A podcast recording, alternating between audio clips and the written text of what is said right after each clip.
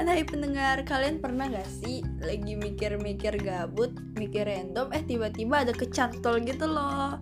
Terus mikirnya sampai ke bawah sekarang, mikirnya dalam jangka panjang Yang tadinya mikir random, terus mikirin itu mulu. Terus kayak mikir, kok jadi mikirin? Tapi kalau nggak mikir, kayak ada yang kurang gitu.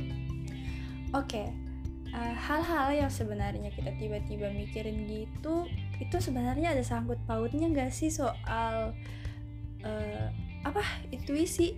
Nggak tahu juga sih tapi kadang kita selalu lakuin hal-hal yang secara tidak langsung kita suka gitu loh kayak mikir dalam jangka waktu yang panjang mikirkan hal-hal yang sebenarnya kita nggak tahu bakal terjadi atau enggak tapi kayak senang aja gitu mikirnya terus apa ya? Hal-hal random itu membawa kita ke satu pikiran yang di mana kita ngestak pikir itu terus kita mulai ngebayangin kalau oke sekarang aku tadi tiba-tiba mikir kok bisa ya ngepodcast ini? Skip bye